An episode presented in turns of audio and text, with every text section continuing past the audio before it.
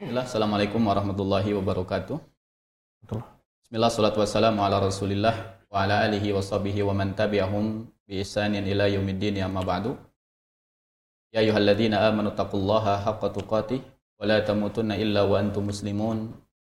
Ya ayuhan nasu taqu rabbakum alladhi khalaqakum min nafsin wahidah wa khalaqa minha zawjaha wa batha minhuma rijalan katsiran wa nisaa'a wattaqullaha alladhi tasaaluna bihi wal arham innallaha kana 'alaikum raqiba. Ya ayyuhalladzina amanu taqullaha wa qulu qawlan sadida. Yuslih lakum a'malakum wa yaghfir lakum dhunubakum. Wa may yuti'illaha wa rasulahu faqad faza fawzan 'azima. Amma ba'du. Sahabat media agama Islam yang dirahmati Allah Subhanahu wa taala. Alhamdulillah pada kesempatan siang yang berbahagia ini Allah Subhanahu wa taala memberikan kesempatan kepada kita sehingga kita dipertemukan kembali oleh Allah Subhanahu wa taala di dalam kajian yang mudah-mudahan bisa bermanfaat bagi kita semua. Kemudian salawat dan salam kita curah limpahkan kepada Nabi besar kita Nabi Muhammad sallallahu alaihi wasallam kepada keluarganya, sahabatnya, tabi'in, tabi'ut tabi'in dan kepada seluruh umatnya yang mutabah kepadanya sampai dengan hari kiamat. Sahabat media agama Islam yang dirahmati Allah Subhanahu wa taala. Dan insyaallah ini juga yang akan menjadi pembahasan kita pada kesempatan siang yang berbahagia ini tentang ahamiyatu ilmu fiqh. Tentang pentingnya ilmu fikih. Karena terkadang bagian daripada manusia di mana mereka tidak tahu tentang pentingnya mempelajari ilmu fikih. Padahal kalau kita lihat di dalam kehidupan sehari-hari kita bahwa mulai daripada kita bangun daripada tidur kita sampai tidur kembali, maka hukum yang ada di sekitar kita hampir semuanya itu berkaitan dengan permasalahan-permasalahan fikih. Yang di mana seseorang tidak mungkin dia dapat menjalankan kehidupannya dengan cara yang baik Kemudian dia dapat beribadah kepada Allah Subhanahu wa taala dengan ibadah yang benar kecuali dia mempelajari tentang ilmu ilmu fikih. Dan sebagaimana barangkali ya pada pertemuan yang lalu oleh ustadz yang lain telah disampaikan tentang definisi fikih. Maka sebelum masuk ke dalam ahamiyah ilmu fikih, saya akan kembali menyebutkan tentang mahwal fik, apa yang dimaksud dengan fikih. Di mana para ulama menyebutkan al-fiqhu fil al-fahmu di mana fikih itu secara bahasa adalah paham, al-fahmul mutlak, awil fahmul murad, atau dia memahami secara mutlak atau dia memahami sesuatu yang dimaksud. Kalau saya berbicara dengan Akh Eriga, maka beliau paham apa yang saya bicarakan, maka dia dikatakan sebagai faqih atau ya faqih, atau dia sebagai orang yang paham. Kemudian para ulama secara istilah dikatakan bahwa Fikih itu adalah al-ilmu bil ahkam asy-syar'iyyah al-amaliyah ya. Kemudian uh, al-mustanbat min adillatiha tafsiliyah. Yang dinamakan dengan fikih adalah ilmu yang berkaitan dengan amal-amal yang dilakukan seseorang. Yang berkaitan dengan amal yang dilakukan oleh seseorang. Yang diambil daripada dalil-dalil yang terperinci. Itu yang dinamakan dengan fikih. amaliyah. Dan para ulama juga menyebutkan bahwa aglabiyah di dalam masalah fikih adalah perkara-perkara yang sifatnya amaliyah bukan i'tiqadiyah. Karena i'tiqadiyah nanti pembahasannya di dalam kitab tauhid. Amaliyah itu seperti sholat, saum dan yang lain-lain berbagai macam jenis ibadah, maka itu pembahasannya masuk ke dalam pembahasan fikih. Kemudian di antara juga ahamiyah yang perlu kita ketahui bahwa tatkala kita mempelajari ilmu fikih bahwa ketahuilah bahwa fikih ini merupakan perkara yang paling penting di dalam masalah agama. Dan seseorang tidak mungkin bisa melaksanakan berbagai macam perintah Allah Subhanahu wa taala.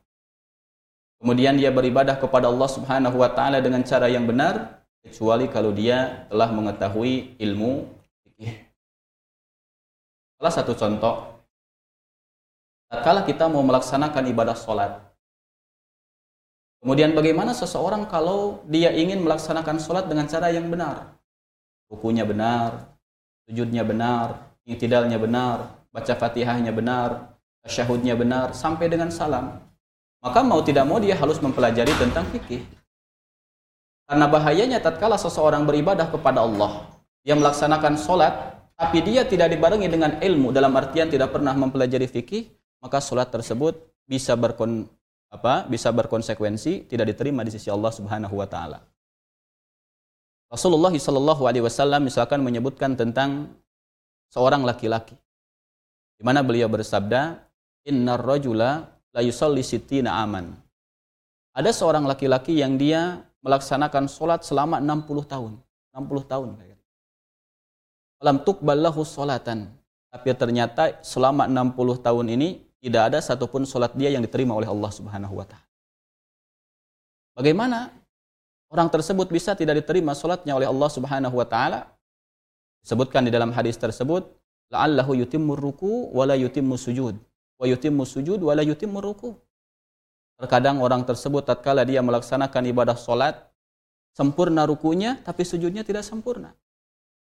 Tatkala dia sujudnya sempurna di solat yang lain, tapi ternyata ketika ruku dia tidak sempurna. Maka otomatis solatnya tidak diterima oleh Allah subhanahu wa ta'ala.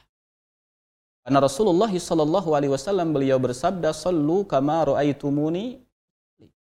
Salatlah kalian sebagaimana kalian melihatku sholat dicontohkan oleh Rasul Shallallahu Alaihi Wasallam bagaimana tata cara sholat yang benar, bagaimana takbiratul ihramnya, bagaimana bacaan fatihahnya, bacaan suratnya, sujudnya, itidalnya, rukunya, dan semuanya dijelaskan oleh Rasulullah Shallallahu Alaihi Wasallam.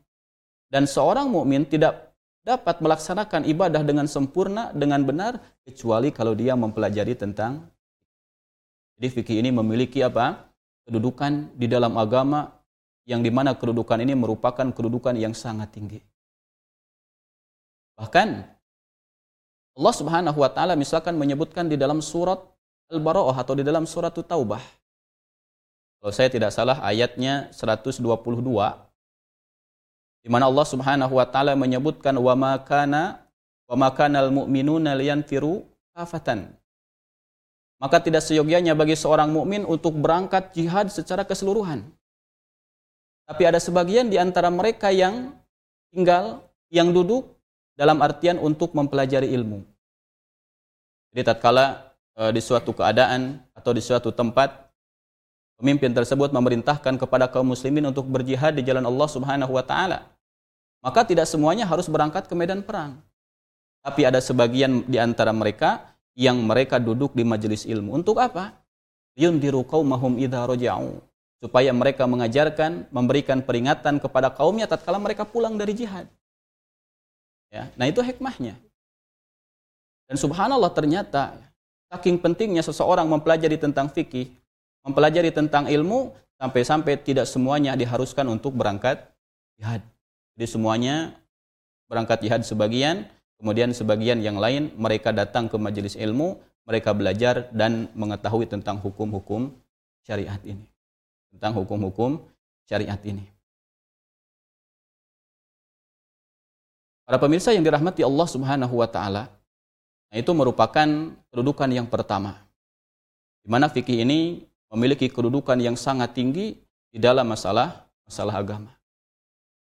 Bahkan Rasulullah Shallallahu alaihi wasallam di mana beliau mengaitkan antara hidayah seorang itu mendapatkan hidayah oleh Allah Subhanahu wa taala hidayah taufik dengan pemahaman dia, kefakihan dia di dalam masalah agama. Rasulullah sallallahu alaihi wasallam di mana beliau bersabda, ini hadisnya sahih, dikeluarkan oleh Imam Al-Bukhari dan juga Imam Muslim, di mana Rasul sallallahu alaihi wasallam bersabda, "Man yuridillahu bihi khairan yufaqihu din." Barang siapa yang dikehendaki oleh Allah Subhanahu wa taala kebaikan, maka dia akan difahamkan di dalam masalah masalah agama orang yang faham di dalam masalah agama, maka dia mendapatkan hidayah dari Allah Subhanahu wa taala. Dan agama ini sebagaimana yang telah kita ketahui bahwa isinya adalah al-awamir wa nawahi. Di mana agama ini isinya adalah perintah, kalau tidak perintah adalah larangan. Perintah untuk sholat, perintah untuk zakat, perintah untuk mentauhidkan Allah Subhanahu wa taala. Bahkan kalau kita membaca suratul Ikhlas, tatkala Para ulama menyebutkan bahwa suratul ikhlas itu kedudukannya sulusu Al-Quran. Atau satu per tiga daripada Al-Quran. Kata para ulama bahwa isi Al-Quran itu dari awal sampai akhir tidak akan terlepas daripada tiga perkara. Yang pertama adalah al-wa'du wal wa'id, yaitu apa? Janji, kemudian ancaman yang disebutkan oleh Allah Subhanahu wa taala. Ancaman bagi orang yang melakukan maksiat apa dosanya gitu, apa hukumannya. Kemudian yang kedua adalah apa? Yang kedua adalah al-awamir wan nawahi atau al-ahkam. Kemudian yang kedua adalah isinya tentang hukum-hukum, hukum sholat, hukum zakat, dan yang lainnya. Kemudian yang selanjutnya, yang ketiga adalah al-akhbar, khobar. Khobar tentang neraka, khobar tentang Allah subhanahu wa ta'ala, khobar tentang nama dan sifat Allah subhanahu wa ta'ala. Maka ini isi di dalam apa? Di dalam Al-Quran. Dan daripada isi daripada Al-Quran ini, ternyata yang paling banyak adalah perkara-perkara yang berkaitan dengan masalah fikih. Tentang ibadah. Tentang muamalah dan yang lain-lain, maka itu semuanya berkaitan dengan masalah fikih. Maka tidak mungkin di antara kita, kalau kita meminta kepada Allah Subhanahu wa taala hidayah, kita memohon kepada Allah Subhanahu wa taala supaya kita diberikan hidayah, tapi kita tidak pernah mempelajari tentang fikih, ini sesuatu yang sangat tidak mungkin. Tidak mungkin. Karena tatkala Allah Subhanahu wa taala mengijabah doa kita tatkala kita meminta hidayah kepada Allah, maka apa yang Allah berikan? Allah akan memberikan kepada dia ilmu nafi wal amalu yaitu Allah Subhanahu wa taala akan berikan kepadanya ilmu yang bermanfaat dan amal soleh. Nah sekarang kita tanya, apa yang dimaksud dengan amal soleh? Amal soleh itu adalah amal yang sesuai dengan Quran dan dan Sunnah. Amal yang sesuai dengan contoh dari Rasulullah Sallallahu Alaihi Wasallam. Dan amal itu tidak mungkin sesuai dengan contoh dari Rasulullah Sallallahu Alaihi Wasallam kecuali kalau dia mempelajari tentang apa? Tentang fikih atau tentang apa? Ilmu secara umum dan tentang fikih secara secara khusus. Jamaah yang dirahmati Allah Subhanahu wa taala para pemirsa di mana pun berada bahwa ternyata hidayah akan Allah Subhanahu wa taala berikan kepada orang-orang yang mempelajari ilmu terkhusus ilmu fikih. Ya, terkhusus daripada ilmu ilmu fikih. Kemudian kedudukan yang selanjutnya Tatkala kita mempelajari tentang ilmu fikih, maka ilmu ini akan mewariskan kepada kita ilmu yang bermanfaat. Yang di mana dengan ilmu yang bermanfaat ini akan melahirkan ketakutan kita kepada Allah Subhanahu wa taala. Kecintaan kita kepada Allah Subhanahu wa taala dan juga pengharapan kita kepada Allah Subhanahu wa taala. Dan orang yang benar pemahamannya di dalam masalah fikih ini akan merasa bahwa dia senantiasa diawasi oleh Allah Subhanahu wa taala. Karena dia tahu. Solat yang benar itu seperti apa. Maka ketika seseorang itu melaksanakan solat dengan benar, maka akan timbul daripada dalam hatinya itu sifat cinta kepada Allah. Kemudian berharap kepada Allah. Kemudian takut kepada Allah subhanahu wa ta'ala. Dan yang paling penting adalah dia merasa senantiasa diawasi oleh Allah subhanahu, subhanahu wa ta'ala. Subhanahu wa ta'ala. Kemudian Dudukan yang selanjutnya atau di antara faidah tatkala seseorang itu mempelajari tentang ilmu fikih maka dia akan yu'azzimu hurumatillah. Orang yang mempelajari ilmu fikih secara khusus dan mempelajari ilmu agama secara umum, maka dia adalah manusia atau hamba yang senantiasa mengagungkan batasan-batasan Allah Subhanahu wa taala. Karena dia tahu bagaimana besarnya batasan Allah Subhanahu wa taala. Bagaimana mulianya batasan-batasan Allah Subhanahu wa taala. Maka orang yang mempelajari tentang ilmu ini, ilmu fikih ini, maka akan menjadi orang yang paling bersemangat di dalam melaksanakan perintah dan menjauhi larangan. Sekarang saya kasih contoh biar lebih jelas. Kalau orang sekarang mengetahui bahwa sholat itu wajib bagi dirinya, kemudian dia tahu bagaimana bahaya orang yang meninggalkan sholat, kemudian dia tahu bagaimana pahala yang akan dia dapatkan ketika sholat, maka orang ini pasti akan menjadi orang yang paling mengagungkan batasan-batasan Allah. Dia tidak mungkin melalaikan sholat, dia tidak mungkin sampai meninggalkan sholat. Kenapa? Karena dia tahu bagaimana besarnya batasan Allah subhanahu wa ta'ala di dalam masalah itu. Dan itu semua tidak akan pernah didapatkan kecuali bagi orang-orang yang mempelajari secara khusus dan mempelajari ilmu secara secara umum. Kemudian dia juga akan menjadi orang yang senantiasa meninggalkan berbagai macam larangan Allah Subhanahu wa taala. Coba sekarang misalkan kala kita mempelajari tentang masalah al-hudud. Dan mungkin ya Akh Eriga dan para pemirsa MGI TV di mana pun berada pada pertemuan yang lalu dengan ustadz yang lain telah membahas tentang bahwa fikih itu kan isinya ada empat gitu ya. Ada empat. Di mana yang pertama ada yang dinamakan dengan permasalahan al-ibadat permasalahan yang berkaitan dengan masalah ibadah. Wudu atau toharoh, solat, saum, zakat, haji itu ibadah semuanya. Kemudian yang kedua ada yang dinamakan al-muamalat. Tentang apa? Interaksi dengan sesama manusia. Bagaimana tata cara jual beli, pinjam meminjam, gadai menggadai dan seterusnya itu dibahas di dalam masalah fikih. Kemudian yang ketiga ada yang dinamakan dengan bab al-munakahat tentang masalah pernikahan atau perkawinan. Di sana dijelaskan tentang akad, syarat sahnya nikah, kemudian masalah tolak, masalah ruju, masalah zihar, masalah ilah dan yang lain-lain dijelaskan di dalam bab itu. Kemudian yang keempat, ada yang dinamakan dengan al-jinayat. Yaitu bab yang berkaitan dengan masalah kriminalitas atau krimin apa? kriminal gitu. Ya kejahatan. Orang kalau dia mencuri apa hukumannya gitu. Kalau dia minum khamar apa hukumannya? Kalau dia zina apa hukumannya? Kalau zinahnya muhson apa hukumannya? Kalau tidak muhson apa hukumannya? Dijelaskan di dalam bab itu. Ya, di dalam di dalam bab itu. Dan dia pun akan mengetahui tatkala dia belajar tentang jinayat. Oh, ternyata orang itu kalau berzina setelah menikah hukumannya akan dirajam sampai dia mati. Tahu dia. Kenapa? Karena dia belajar. Maka setelah dia mengetahui tentang bagaimana dahsyatnya hukuman yang Allah Subhanahu wa taala tetapkan bagi orang yang berzina, maka dia akan menjadi manusia yang paling menjauhi terhadap perbuatan zina. Kemudian orang tersebut mungkin sebelumnya dia minum khamar, minum minuman keras. Belajarlah dia fikih, belajar dia tentang hukum orang yang minum khamar. Ternyata orang yang minum khamar itu hukumannya dicambuk. Ya dicambuk. Setelah dia mengetahui, takut dia untuk dicambuk maka setelah dia mengetahui akan menjadi orang yang paling meninggalkan terhadap ya minum minum khamar tersebut. Maka ini merupakan faidah. Faidah yang akan didapatkan bagi orang yang dia mempelajari tentang tentang ilmu fikih, tentang ilmu ilmu fikih.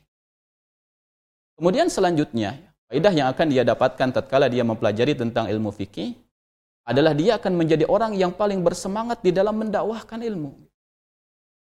Dalam artian dia berdakwah kepada orang-orang yang paling dekat dengan dirinya, anak dan istrinya. Dia mendakwahkan ilmu ini kepada karib kerabatnya, kepada tetangga-tetangganya, atau mungkin kaum muslimin secara umum. Kenapa demikian? Karena dia sudah memiliki basic ilmu tersebut. Dan dia tahu bagaimana pahalanya, bagaimana besarnya pahala yang akan didapatkan bagi orang-orang yang dia menyeru kepada kebaikan. Pahalanya besar. Sekarang kalau kita sudah tahu bagaimana tata cara sholat yang benar, kita pun ingin mengajarkan itu kepada siapa? Kepada anak dan istri kita. Kepada orang tua kita, kepada karib kerabat kita. Maka perkara ini akan didapatkan bagi orang-orang yang mempelajari ilmu fikih secara khusus. Karena memang fikih ini subhanallah ilmu yang sangat luas. Bahkan kalau saya katakan ilmu fikih ini merupakan ilmu yang paling dibutuhkan bagi setiap orang muslim setelah dia mempelajari tentang akidah. Inilah yang dinamakan dengan hamiyah ilmu fikih, yaitu pentingnya kita mempelajari ilmu fikih. Karena keseharian kita, langkah kita, perbuatan-perbuatan kita, ini semuanya berkaitan dengan masalah fikih. Saya berikan contoh biar lebih mudah. Tatkala kita berada di satu tempat, hmm. kemudian kita duduk, adakah hukum fikih di sana? Ada. Ketika kita melangkah mau ke kamar kecil, ada nggak hukum fikih di sana? doanya apa, bagaimana kakinya. Tatkala kita duduk, Anda nggak ada duduk di dalam masalah fikih? Ada, diatur.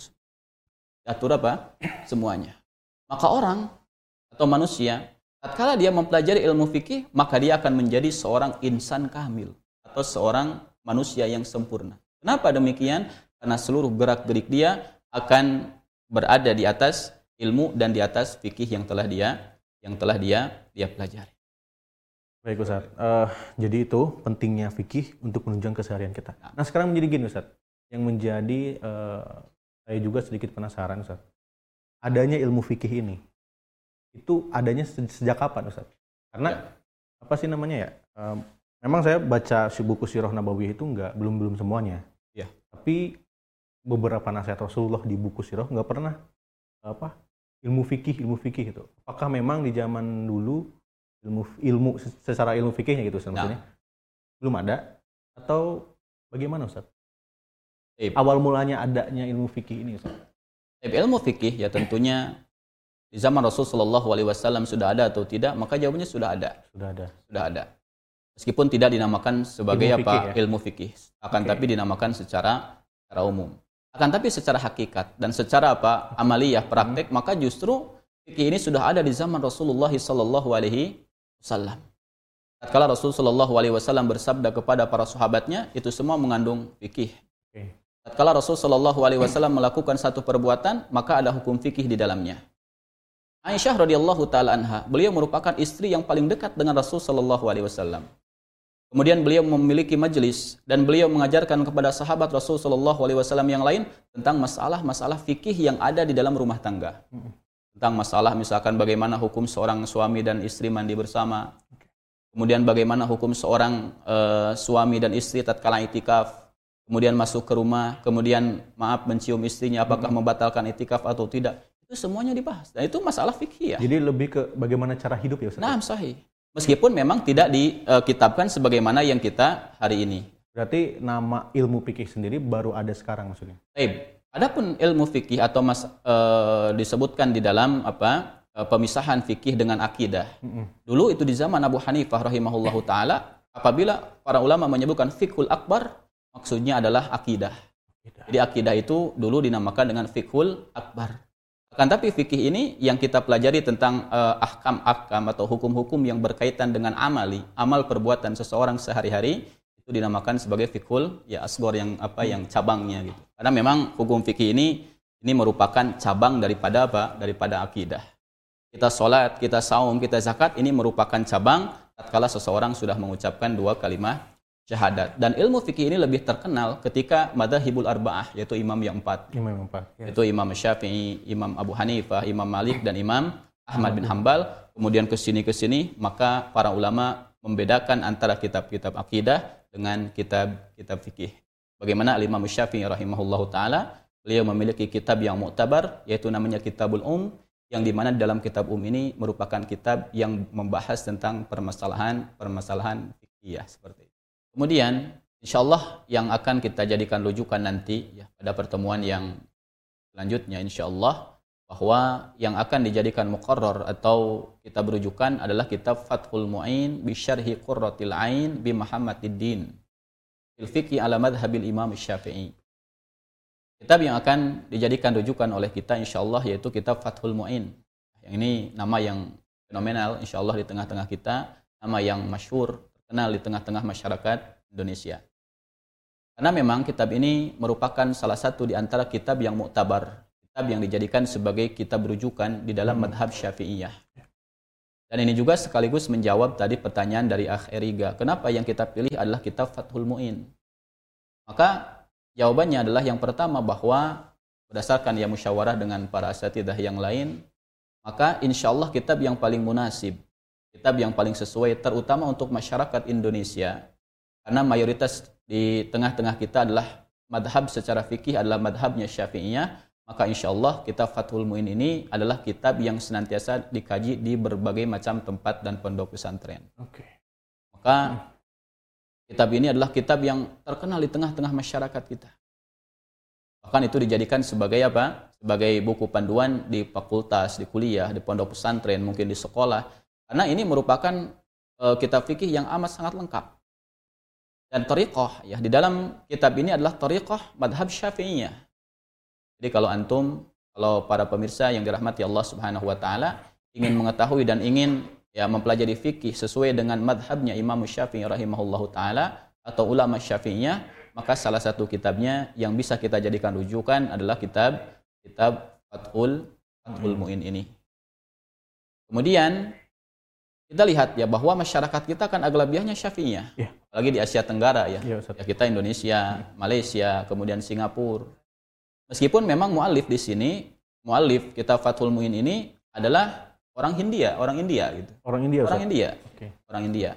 Dan beliau adalah salah satu tilmid daripada Ahmad bin Hajar Al-Haythami rahimahullahu taala salah satu ulama besar. Ya, salah satu ulama besar di kalangan madhab Syafi'iyah. Kemudian kenapa kita memilih kitab ini? Yang pertama ya bahwa kitab ini adalah kitab yang senantiasa juga dijelaskan oleh para ulama dari zaman ke zaman. Oke. Meskipun tentunya kitab ini bukan termasuk ke dalam eh, kitab yang yang abad awal-awal gitu. Hmm. Karena beliau ya Syekh Ahmad Zainuddin bin Abdul Aziz Al-Milibari. Milibar itu salah satu tempat atau daerah yang berada di India hari ini. Jadi beliau orang India. Meskipun memang beliau wafatnya pada tahun 987 menurut sebagian para ulama. Karena terjadi khilaf kapan beliau wafat dan kapan beliau apa dilahirkan. Akan tapi Allah alam pendapat yang paling rajih dari kalangan ulama eh, sejarah bahwa beliau ini dilahirkan pada tahun 938 Hijriyah dan beliau wafat pada tahun 987 menurut sebagian ulama. Sebagian ulama menyebutkan beliau wafatnya 991 Hijriyah. Sebagian ulama lagi menyebutkan beliau wafatnya 1200 oh, 1028 Hijriyah. Ini terjadi memang apa? Perbedaan di kalangan para ulama kapan beliau wafat. Akan tapi yang perlu kita ketahui bersama bahwa secara apa? Secara kurun atau secara zaman memang beliau itu hidup di abad ke 9 10 gitu ya. 10. Eh, Hijriyah. Berarti beliau itu apa? Eh, hidup di eh, mutakhirin termasuk ke dalam ulama mutakhirin. Hmm. Akan tapi bagi kita hari ini ya, terutama kita bukan orang Arab, kalau kita langsung mempelajari kitab-kitab al-mutaqaddimin, kitab-kitab terdahulu, maka akan lebih sulit bagi kita untuk memahaminya. Salah satu contoh misalkan hari ini kalau kita langsung terjun ke dalam kitabnya Al-Imam Syafi'i rahimahullahu taala, kitab Al-Um. gitu. Al-Um, Sulit ya. bagi kita. Kenapa bahasanya lumayan gitu. Harus membutuhkan kepada pengetahuan yang luas lagi. Nah, kan tapi untuk kita hari ini, terutama untuk kita yang sifatnya masih mubtadiin, para pemula di dalam mempelajari ilmu, maka insya Allah kitab Fathul Muin ini merupakan kitab yang sangat cocok dan kitab yang sangat bagus untuk kita pelajari di dalam eh, mempelajari pelajaran pelajaran fikih. Karena memang sesungguhnya kitab Fathul Muin ini merupakan syarah atau penjelasan dari kitab Qurratul Ain. Ya, ada kitab Qurratul Ain yang di mana antara orang yang membuat matan dengan yang mensyarah adalah orang yang sama gitu. Jadi penulis kitab Qurratul Ain dan yang mensyarahnya adalah Fathul Muin nama kitabnya itu orangnya sama yaitu Syekh Ahmad Zainuddin Ibnu Abdul Aziz Al-Milibari Asy-Syafi'i rahimahullahu taala. Jadi beliau membuat matan terlebih dahulu, setelah itu baru beliau mensyarah matan tersebut dan namanya adalah kitab Fathul Fathul Muin. Dan para ulama dari zaman ke zaman banyak sekali di antara mereka baik yang mensyarah kitab ini atau yang menadomkan.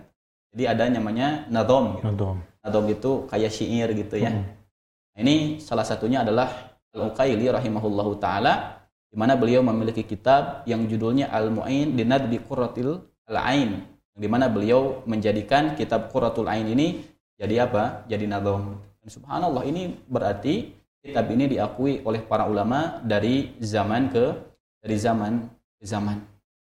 Bahkan ada kitab lagi yang masyhur kita hari ini, namanya Hasyiah I'anatul Talibin. Ya, yang ditulis oleh Syekh Sayyid Al-Bakri rahimahullahu taala. Yang ini kitab ini pun terkenal hari ini, kitab I'anatul Talibin. I'anatul Talibin sesungguhnya hasyiah. Hasyiah itu artinya apa? Eh, Catatan-catatan pinggiran gitu ya atau tambahan-tambahan yang beliau tulis yang diambil dari kitab Qurratul Ain yaitu e, matan daripada Fathul Fathul Muin. Jadi Fathul Muin itu syarahnya, kemudian ada lagi hasyiahnya yang dinamakan dengan I'anatu I'anatu Talibin. Mana berarti kitab ini merupakan kitab yang sangat bermanfaat yang dijelaskan oleh para ulama dari zaman ke zaman terutama kita masyarakat yang hidup di Indonesia insya Allah amat sangat membutuhkan terhadap penjelasan yang terdapat di dalam kitab yang mulia ini. Akan tapi bersamaan dengannya, maka dimungkinkan ya, dalam isi kitab ini tidak 100% benar, pasti akan Oke. ada kesalahannya ya karena ini merupakan buatan daripada manusia, akan tapi kewajiban kita nanti mengikuti perkara-perkara atau pendapat yang paling dekat dengan Al-Qur'anul Karim. Meskipun barangkali nanti di dalam kitab ini ada pendapat yang sesungguhnya lemah, tapi beliau mengamalkannya dan beliau mengatakannya ini rajih, akan tapi ulama yang lain mereka mengatakan pendapatnya lemah, maka ini sesuatu yang biasa yang terjadi di tengah-tengah para ulama, akan tapi kewajiban kita adalah mengikuti yang paling dekat dengan kebenaran. Kebenaran. Jadi kitab ini bisa dibilang cocok untuk pemula. Kalau yang ingin mempelajari ilmu fikih, pertama kali pelajari dulu Oh, ini. berarti. tidak ya. Jadi dalam artian ini lanjutan daripada kitab-kitab yang sebelumnya sebagaimana misalkan eh, kitab Ghayatul Takrib ya, Hmm. yang Abu Syuja dan yang lain-lain, maka setelahnya bisa dilanjutkan ke dalam kitab Fathul Muin ini. Lanjutan nanti Ustaz ya. Dan oh ya tadi tadi kelupaan Ustaz. Nah, Sebelum iklan tadi kan saya eh, nanti kita lanjut ada juga beberapa pertanyaan seputar kitab itu. Tapi ada yang kelupaan Ustaz tentang ini. Saya lupa nanya kembali tentang eh, itu tadi fikih itu kan menunjang kita untuk diterima atau tidaknya sebuah ibadah. sahih. Dan berarti kita harus memilah belajar kepada siapa nih Ustaz? Seperti karena ada ketakutan untuk tidak diterima. Ya. Nah, berarti ke guru yang seperti apa Ustaz kira-kira? Baik. Para pemirsa yang dirahmati Allah Subhanahu wa taala, tatkala kita ingin mempelajari tentang satu ilmu, yang pertama yang harus kita ketahui bahwa ilmu ini harus diambil daripada orang yang memiliki kompeten atau keahlian di dalamnya. Karena Allah Subhanahu wa taala menyebutkan fasalu ahla dzikri in kuntum la ta'lamun. Tanyakan kepada ahlinya, ahli zikir apabila kalian tidak mengetahuinya. Dan, dan sudah seyogianya bagi seorang mukmin di mana pun kita berada, tatkala kita ingin mempelajari tentang satu perkara, baik perkara duniawi ataupun perkara ukhrawi, maka kita belajar kepada orang yang memang memiliki kemampuan di dalamnya. Tatkala kita ingin belajar misalkan di dalam ilmu dunia saja, seorang ingin belajar tentang koki cara masak, dia harus belajarnya kepada koki yang yang handal Oke. gitu. Orang ingin belajar tentang ilmu bangunan, maka dia harus datang kepada arsitek gitu. Belajarnya kepada arsitek. Tidak boleh seseorang hari ini dia ingin pintar masak, belajarnya sama arsitek gak nyambung. Iya gitu. Ustaz. Tidak nyambung. Nanti masak. Apalagi yang kita pelajari adalah masalah agama. Di mana para ulama mereka mengatakan inna hadzal ilma dinun fanduru amman ta'khuduna dinakum. Sesungguhnya ilmu ini adalah agama dan lihatlah dari mana agama kalian diambil. Dan kalimat ini adalah kalimat yang sangat berharga bagi kita semua. Yang kalimat ini menjadi pondasi bagi kita semua tatkala kita ingin mempelajari ilmu. Tatkala seseorang ingin mempelajari tentang akidah, maka pilihlah guru, pilihlah ustadz, pilihlah kiai, pilihlah ajengan yang di mana mereka apa? Baik dari manhajnya, kemudian lurus akidahnya, kemudian baik agamanya, dan dia memiliki ilmu. Tidak cukup soleh saja di dalam cara kita untuk mengambil ilmu. Orang ini kan subhanallah rajin sholatnya. Kita belajar darinya. Barangkali dia belum memiliki ilmu, tidak boleh. Tidak boleh. Makanya Allah menyebutkan ahlu dzikr, para ulama. Siapakah para ulama? Adalah orang-orang yang diberikan oleh Allah Subhanahu wa taala kemampuan, kefakihan di dalam masalah agama ini sehingga mereka mampu untuk menjelaskan kepada manusia. Karena tatkala seseorang sekarang belajar ilmu agama, kemudian dia belajar kepada orang yang tidak memiliki ahli di dalamnya, maka dia akan sesat dan menyesatkan. Idza wusidal amru ila ghairi ahlihi fantadiri sa'ah. Apabila sesuatu dinisbatkan kepada bukan ahlinya, maka tunggulah hari kiamat. Seseorang tatkala dia ditanya di dalam masalah duniawi saja, ditanya tentang A, seharusnya dia menjawab B, malah dia menjawab C. Orang itu mengamalkan akan sesat dia. Oke. Akan sesat. Dan ini pun pernah terjadi di zaman Rasulullah sallallahu alaihi wasallam. Tatkala Rasul sallallahu alaihi wasallam mengutus Sariyah. Sariyah itu artinya ya sebagian daripada eh, tentara yang di mana sebagian kecil mereka diutus oleh Nabi Shallallahu Alaihi Wasallam dan Nabi tidak ikut bersamanya, jadi hanya mengutus saja. Kemudian mereka berperang dan ada salah satu dari kalangan sahabat yang dia terkena luka di kepalanya, terkena luka apa? Tebasan pedang atau tombak atau yang lainnya. Kemudian orang ini bertanya kepada sahabat yang lain, karena di waktu malam dia tidur, tatkala tidur dia mimpi janabah. Karena hukum asal seseorang apabila dia mimpi janabah, Hmm. keluar mani maka harus mandi kan Mandi. seperti Iya, itu. Ini pula yang dijawab oleh sahabat tersebut. Ya ditanya, sesungguhnya saya ini terluka parah di kepala saya dan musim sekarang dingin, tapi sudah masuk waktu subuh, apakah saya harus mandi atau bagaimana? Kemudian orang itu mengatakan, tidak ada bagi kamu kecuali harus mandi. Berfatwa tanpa ilmu. Mm-mm. Kemudian akhirnya dia mandi, setelah mandi meninggal dia. Laporkanlah perkara ini kepada Rasulullah sallallahu alaihi wasallam. Maka Rasul sallallahu alaihi wasallam beliau bersabda, "Qataluh qatalahumullah." Sungguhnya kalian dia telah membunuhnya, semoga Allah membunuh dia. Kemudian Rasul sallallahu alaihi wasallam bersabda, sesungguhnya apabila kalian tidak mengetahui maka bertanya. Inna al iyyi as-su'al. Karena sesungguhnya obat daripada tidak tahu adalah bertanya. Yeah. Berarti kewajiban kita tatkala kita ingin mempelajari berbagai macam jenis ilmu, apalagi ilmu agama, maka kita harus mengambil dari orang yang tepat. Tepat apa maksudnya? Orang ini memiliki kompeten dalam ilmu tersebut, orang itu baik agamanya, dan orang itu apa? Baik manhajnya. Karena dikhawatirkan tatkala seseorang itu salah di dalam memilih guru, maka ini akan berakibat kepada agama dia sendiri. Ditakutkan tatkala dia mengambil ilmu, kemudian ada ilmu yang dia sembunyikan sehingga orang itu tersesat. Atau orang itu menjawab, tapi jawabannya tidak sesuai dengan apa? Dengan ilmu, kemudian orang yang mengamalkan itu akan tersesat. Maka hidayah yang Allah Subhanahu wa taala berikan kepada manusia, tatkala dia ada keinginan untuk belajar, kemudian Allah pertemukan dia dengan orang-orang yang tepat. Contoh hari ini mungkin uh, Eriga dan para pemirsa yang dirahmati Allah Subhanahu wa taala, ada orang yang ingin hijrah dia. Ya. Salah ngambil guru, akhirnya dia tersesat apa? Terjerumus lagi ke dalam perkara yang kesesatan yang lain. Ini banyak sekali terjadi. Maka merupakan nikmat yang sangat besar, nikmat yang sangat agung yang Allah Subhanahu wa taala anugerahkan kepada seseorang tatkala dia belajar, kemudian dia dipertemukan dengan guru yang rabbani. Yaitu guru yang dia apa? mengamalkan syariat Allah Subhanahu wa taala memiliki ilmu dan dia tidaklah mengajarkan kecuali dengan ilmu yang yang benar. Dan itu pun harus dijadikan patokan bagi kita hari ini apabila kita ingin mempelajari fikih maka kita belajar kepada ustadz, kepada guru yang memang mereka memiliki kemampuan di dalam masalah fikih. Apabila kita ingin belajar masalah akidah, apabila kita ingin belajar dalam Quran, apabila kita ingin belajar dalam tafsir, maka belajarlah kepada guru yang di mana guru itu memiliki kemampuan di dalam ilmu tersebut, tapi ingat harus dilihat manhaj dan juga akidahnya gitu. Jadi tidak boleh sembrono. Karena ada orang yang subhanallah mungkin ilmu fikihnya bagus, tapi keyakinannya mu'tazilah atau khawarij atau keyakinan-keyakinan yang menyimpang lainnya, maka ini pun akan berbahaya bagi bagi dirinya. Wallahu a'lam barangkali demikian. Jadi ketika misalkan kita salah mengambil guru, bukan cuma masalah fikih saja yang nanti akan bermasalah Sahih. ya Ustaz ya. Nah. Jadi ke masalah yang lain. Jadi itu, uh, nah itu kembali kepada kitab tadi, Ustaz. Karena tadi pertanyaan yang kelewat, Ustaz. Nah. Lewat. Dan uh, kitab ini, tadi juga Ustaz kan mengatakan, bahkan Ustaz Suryana juga mengatakan kemarin, bahwa fikih ini ada empat. Ya. ya kan tadinya, aduh muamalah, interaksi dengan orang, pernikahan, dan uh, yang terakhir kriminalitas atau hukuman-hukuman. Ya. Apakah di kitab ini semua terkandung itu Ustaz, keempat itu di Fathul Muin ini Ustaz? Eh, di dalam Fathul Mu'in ini, ini semua yang empat tadi itu sudah ada di dalamnya insya Allah. Setebal ini, saya ngebayanginnya tebal banget Ustaz, kalau okay. ada empat-empatnya Ustaz. Oh Masya Allah, ya. Meskipun ini apa secara apa secara bentuk ini hmm. tidak terlalu tebal, akan tapi ini sudah mencakup okay, keempat perkara yang tadi. Dalam masalah ibadah dibahas tentang dengan lengkap di dalam kitab ini, di dalam muamalah pun dibahas, munakahat pernikahan pun dibahas, okay. dan di dalam al-jinayat kriminalitas pun ini dibahas di dalam kitab ini.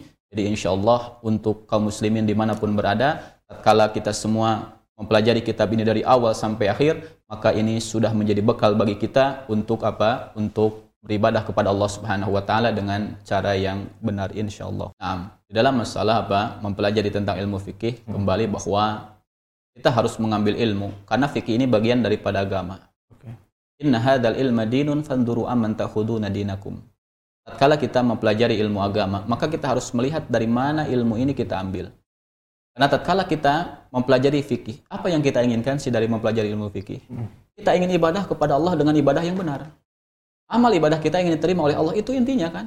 Hmm. Dan ibadah yang sahih, ibadah yang benar tidak mungkin diterima oleh Allah Subhanahu wa taala kecuali kalau kita mengikuti apa yang Allah Subhanahu wa taala firmankan dan apa yang Rasul sallallahu alaihi wasallam sabdakan. Itu caranya. Nah sekarang bagaimana kalau kita ya di dalam masalah fikih ini sembrono di dalam uh, mengambil guru ya mengambil guru karena alasan toleransi karena alasan apa toleransi samu di dalam masalah fikih itu memang diatur di dalam masalah agama di dalam masalah apa di dalam masalah fikih Dan memang ya para ulama juga menyebutkan tatkala seseorang terjadinya khilaf di kalangan para ulama, misalkan Imam Syafi'i mengatakan A, Imam Abu Hanifah mengatakan B, kemudian Imam Ahmad mengatakan C, maka kewajiban kita adalah tasamu, saling toleransi. Okay. Tapi bagaimana kewajiban kita? Kewajiban kita adalah mengamalkan di antara pendapat tersebut yang paling dekat dengan kebenaran. Tapi apakah yang dikatakan toleransi adalah sesuatu yang diinginkan oleh ustaz? Jawabannya tidak. Oke. Okay. Karena seandainya kalau kita dengan siapa pun berguru, kemudian tatkala kita berpegang teguh dengan apa yang menjadi koridor Imam Syafi'i, hmm. maka insya Allah kita tidak akan melenceng di dalam masalah agama. Karena Imam Syafi'i adalah ulama yang paling berpegang teguh terhadap sunnah Rasulullah Sallallahu Alaihi Wasallam.